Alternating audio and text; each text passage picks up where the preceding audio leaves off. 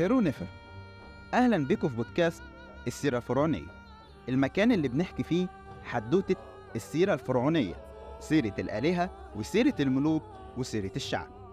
زي ما حكاها لنا أجدادنا الفراعنة قدماء المصريين على جدران المعابد وفي المقابر وعلى التوابيت والبرديات. وبنحكي من أكتر من مصدر.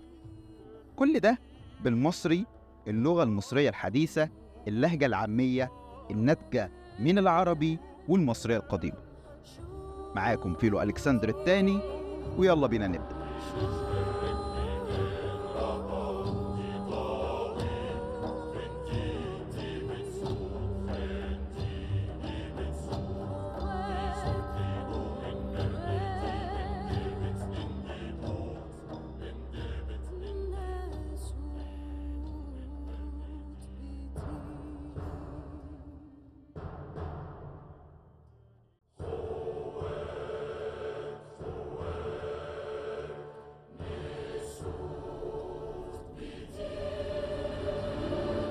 حلقة النهاردة هنتكلم عن سيرة الآلهة الثمون المقدس أو الأشمونين أو الإجدود.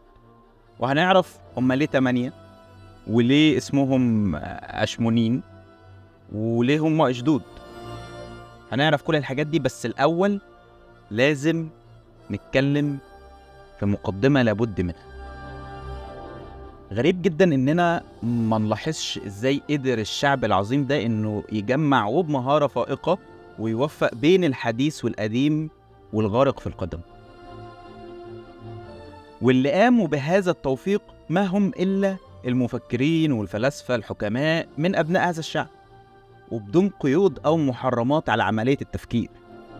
مجرد إطلاق العنان للتخيل والتفكر والتأمل في الكون والبيئة حول الإنسان المصري القديم.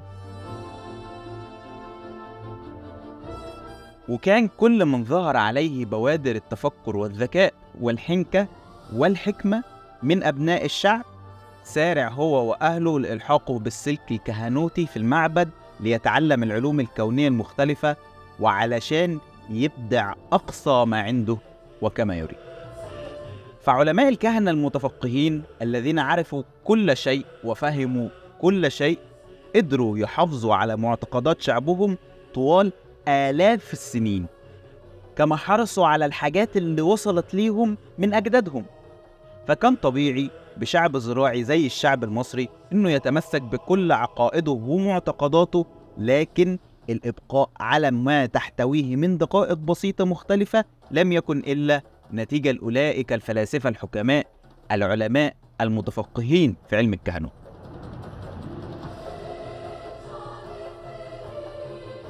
وللأسف لم يحاول في يوم من الأيام واحد من حكماء أو علماء في العصور اللي بعد كده إنه يرجع للأفكار الفلسفية دي ويحاول التفكر فيها ويفسرها ويتفهم أصولها علشان يعرف إن الدين المصري الفرعوني كان في يوم من الأيام ذا صبغة موحدة. مختلفة الآلهة والأشكال والقصص زي نبتة.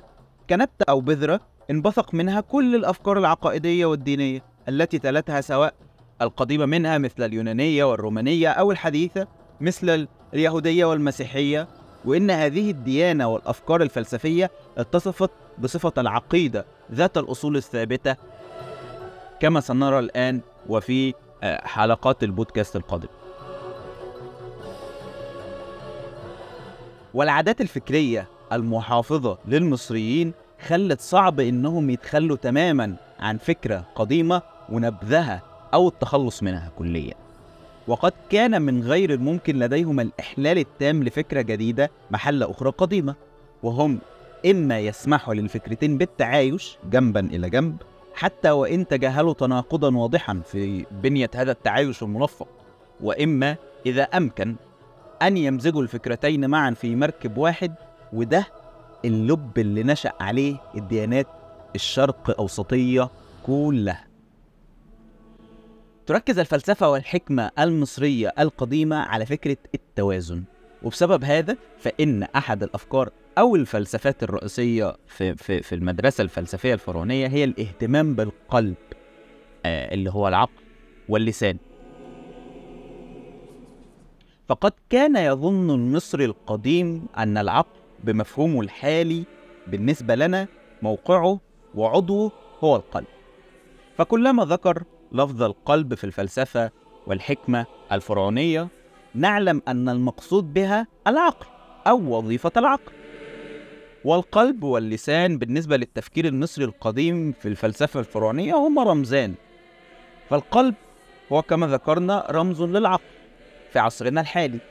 بيت النوايا والأفكار. أما اللسان فهو رمز الفعل والعمل والتحرك. ومن هذا المنطلق كان يدرك المصري القديم موضوع قوة الكلمة وكيف أن القول والكلمات هي محركات مهمة وأساسية ورئيسية في حياة المجتمع والبشر. وقد تجلى هذا جدا في استخدام كهنة المعابد للطريقة المؤثرة دي عن طريق القصص عن الآلهة للتأثير على الشعب والقلوب والتحكم بها. وبالتالي التأثير على عملية الحكم والسلطة في مدن رئيسية ومركزية زي هليوبلس اللي هي عين شمس حاليا ومنف وطيبة اللي هي الأقصر حاليا وأون اللي هي أشمون أو اللي اتسمت في العصور اليونانية بهرموبوليس ماجنا.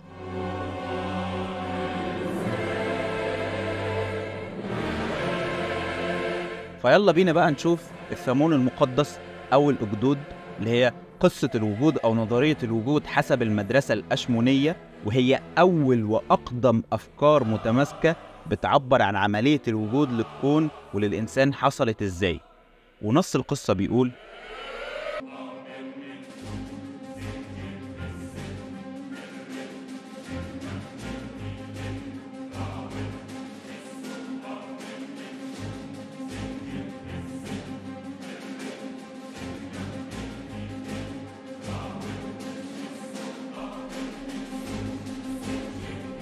في البدء ما كانش فيه حاجة خالص غير اللا وجود أو الفوضى ذات نفسها.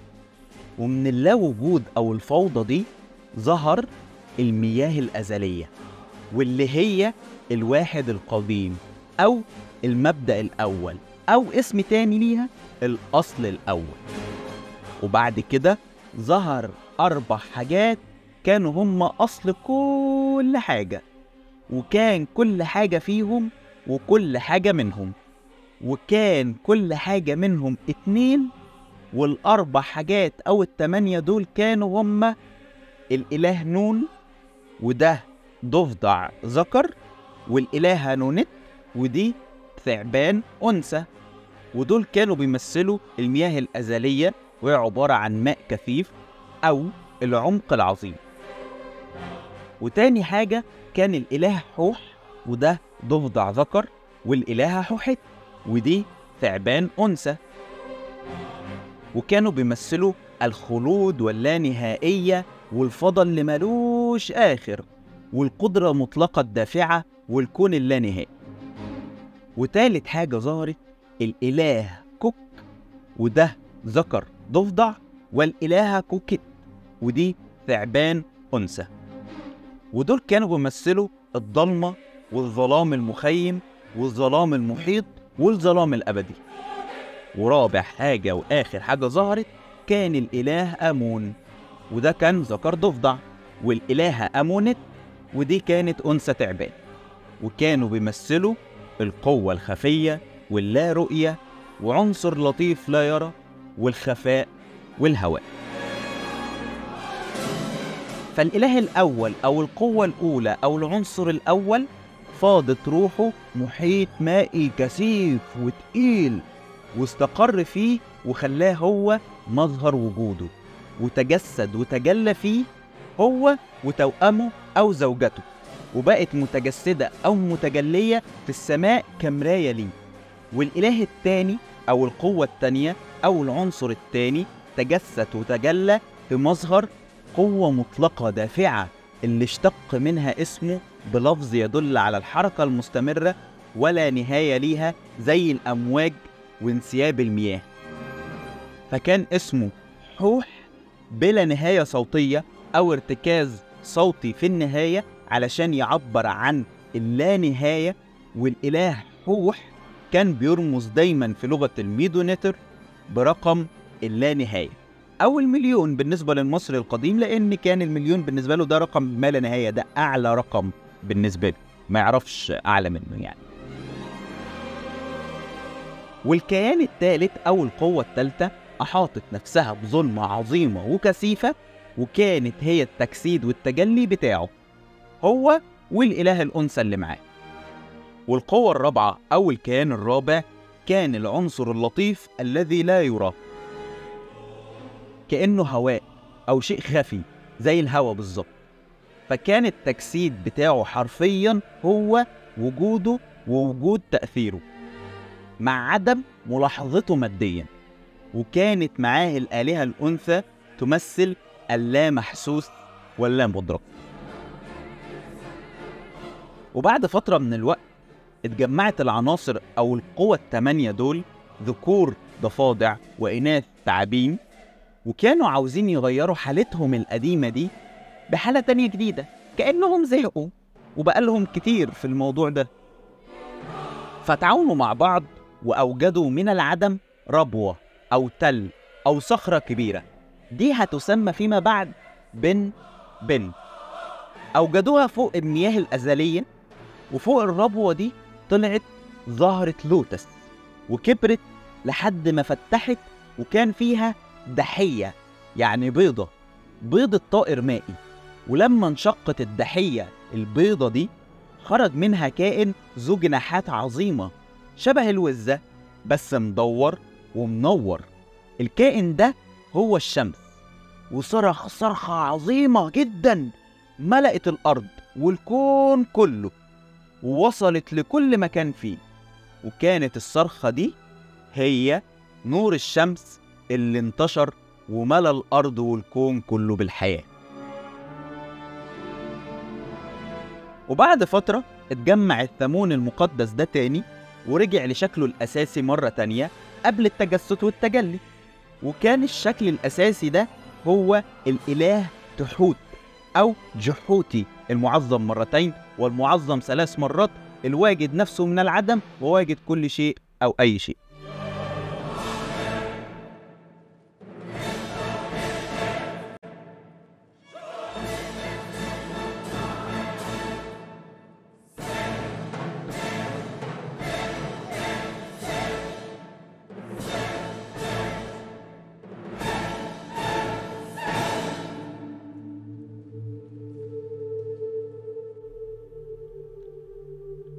ودي كانت قصة الوجود أو نظرية الوجود حسب حكمة المدرسة الأشمونية الفلسفية وهي أول نظرية فلسفية متماسكة في الفلسفة الفرعونية تعبر عن أو تشرح قصة نشأة الكون والحياة.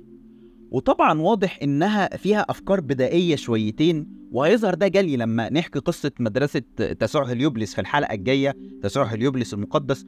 وهتلاقوه إن هو أكثر تطورا آه، فكريا من القصة دي ولأنه كمان أحدث زمنيا منها.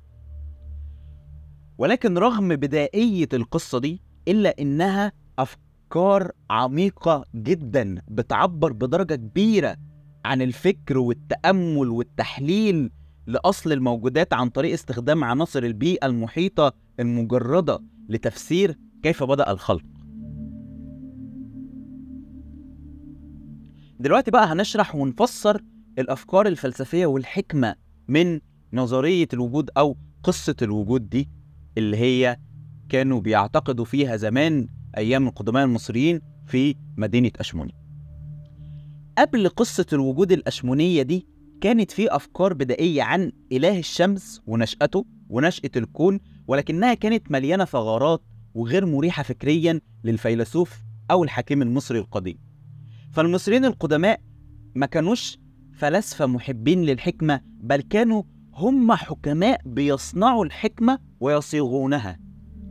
فأخذ حكماء مدينة أون على عاتقهم التفكر والتأمل وإيجاد قصة وتفسير جديد قوي متماسك ليفسر نشأة الكون والحياة وقد فعلوا.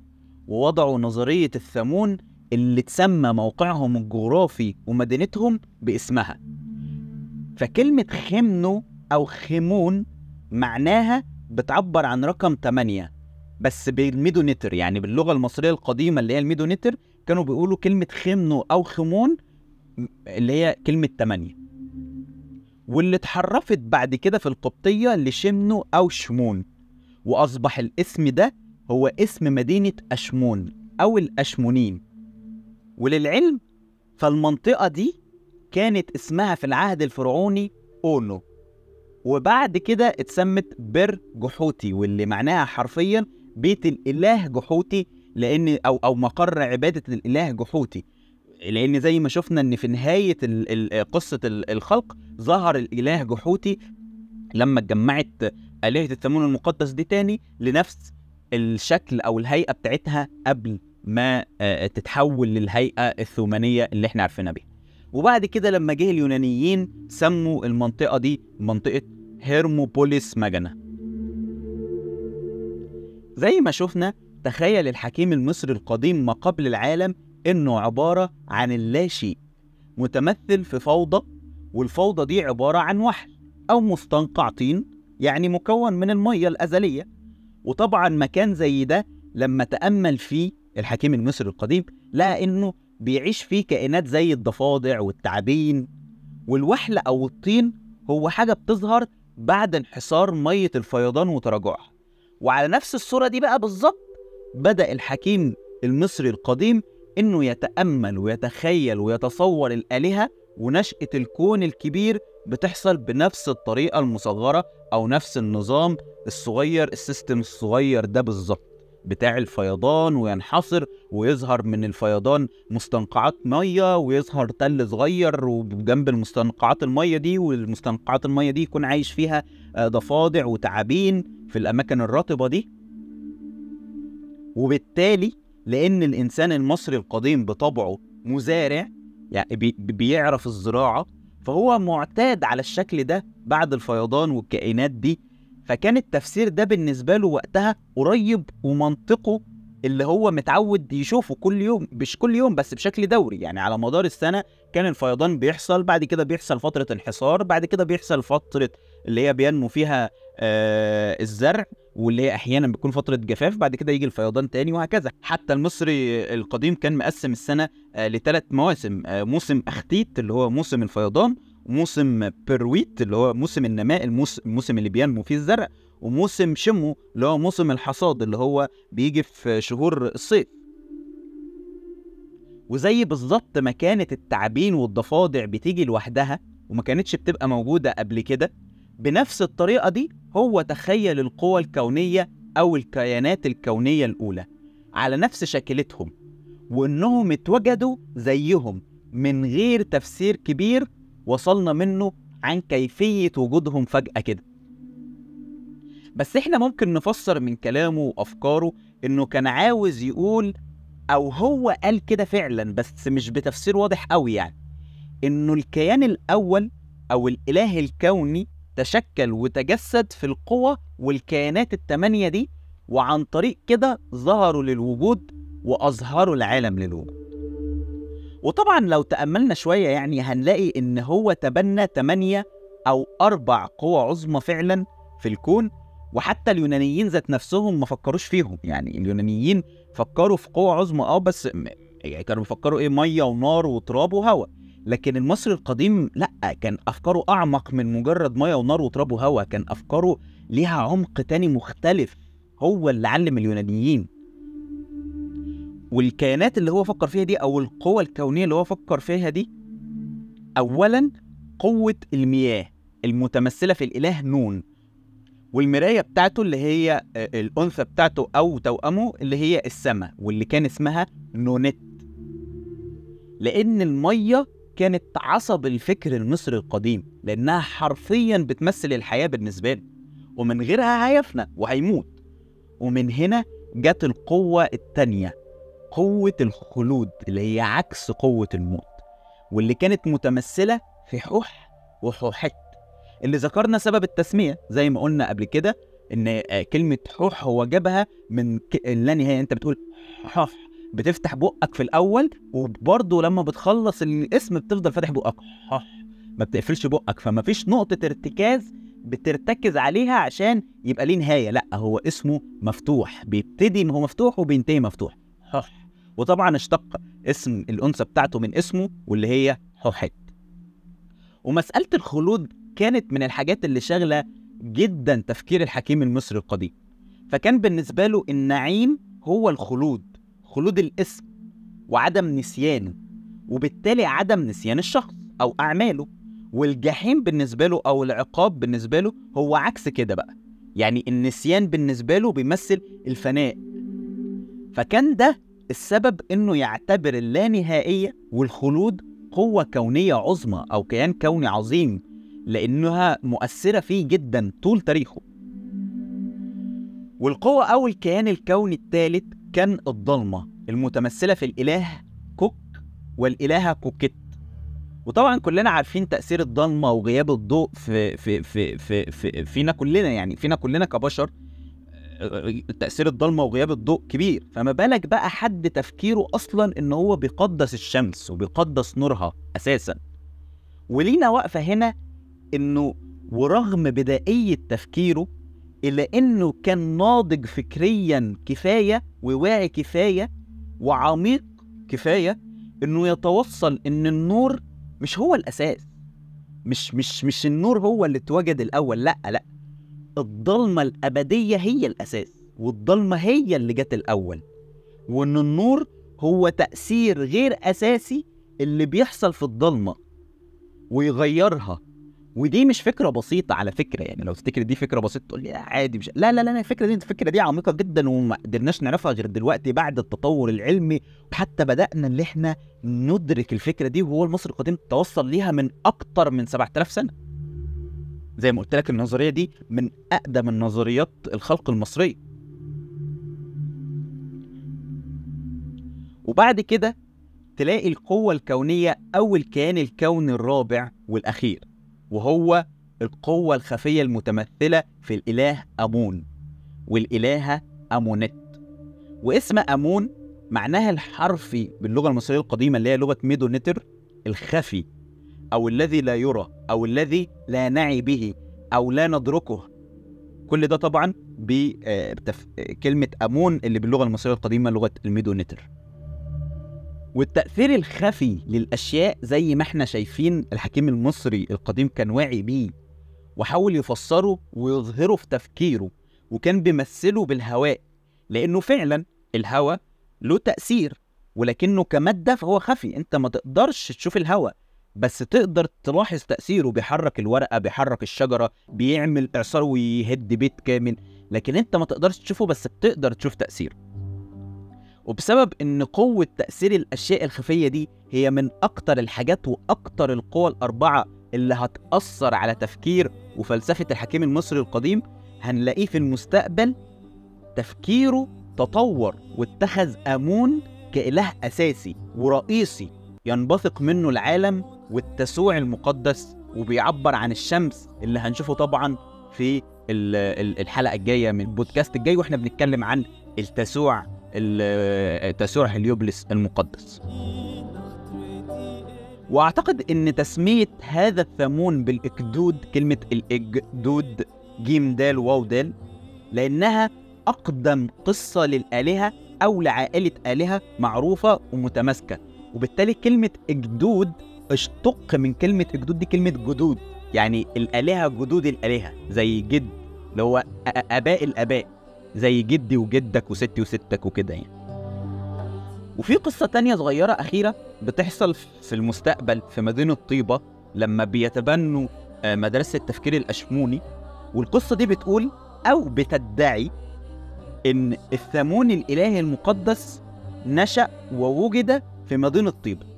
وبعد كده اتشال واتنقل مع تيار وأمواج النيل عشان يروح ويستقر في مدينة الأشمونيين واللي فيها أتموا عملية الخلق أو وضع البيضة على جزيرة اللهب واللي طبعا باين من اسمها إنها اتسمت كده عشان ظهر منها النور بتاع الشمس.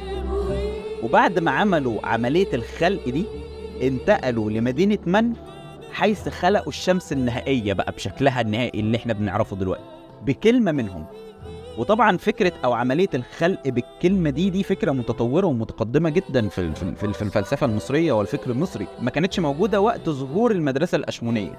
بس هنبقى نشرحها بالتفصيل يعني في وقتها في في ال- في الحلقات المستقبلية. لما يجي وقتها نشرحها بالتفصيل. في النهاية بقى في كلمة أخيرة لابد منها. زي ما شفنا وزي ما لسه هنشوف في باقي السلسلة في المستقبل إن إزاي الفكر المصري القديم والفلسفة الفرعونية كانت سباقة بالأفكار الفلسفية العميقة اللي محدش اهتم أصلا إنه يدرسها ولا يتعمق فيها ويحللها كما يجب أن يكون. فكل مذهب فرعوني وكل مدرسة مذهبية قديمة هي محتاجة مش أقل من أبحاث كتيرة وكتب كتيرة للتعمق فيها وفهمها الفهم الصحيح اللي يليق بيها.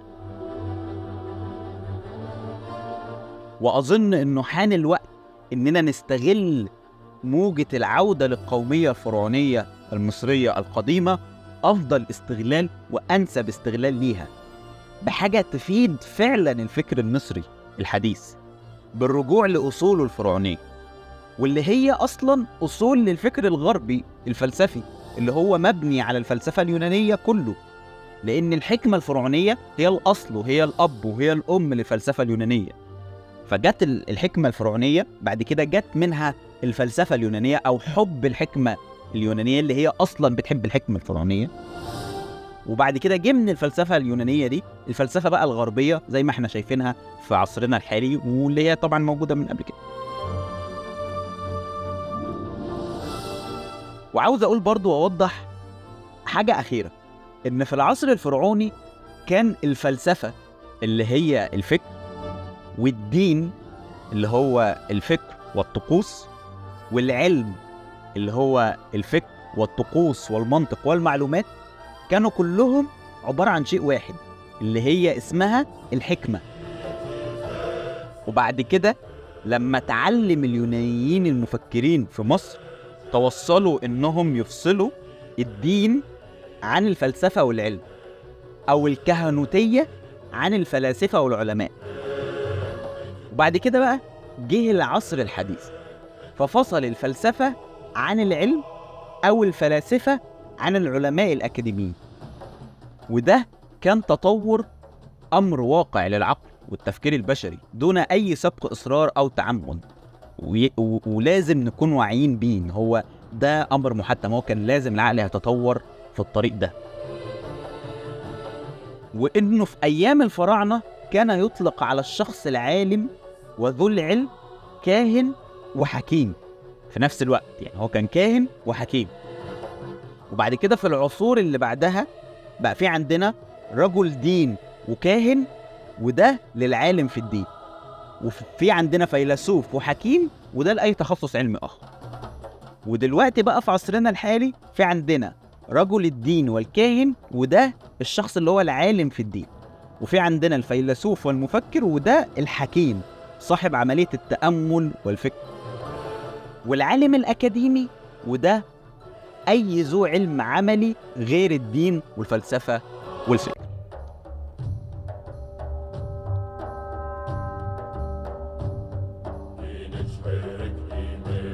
وبس كده دي كانت حلقة النهاردة من آه، بودكاست السيرة الفرعونية لو انت على اليوتيوب ما تنساش تعمل like و share عشان ده فعلا بيساعد. وتبعت الصفحة لأصحابك وقرايبك عشان يعرفوا التاريخ بتاعنا.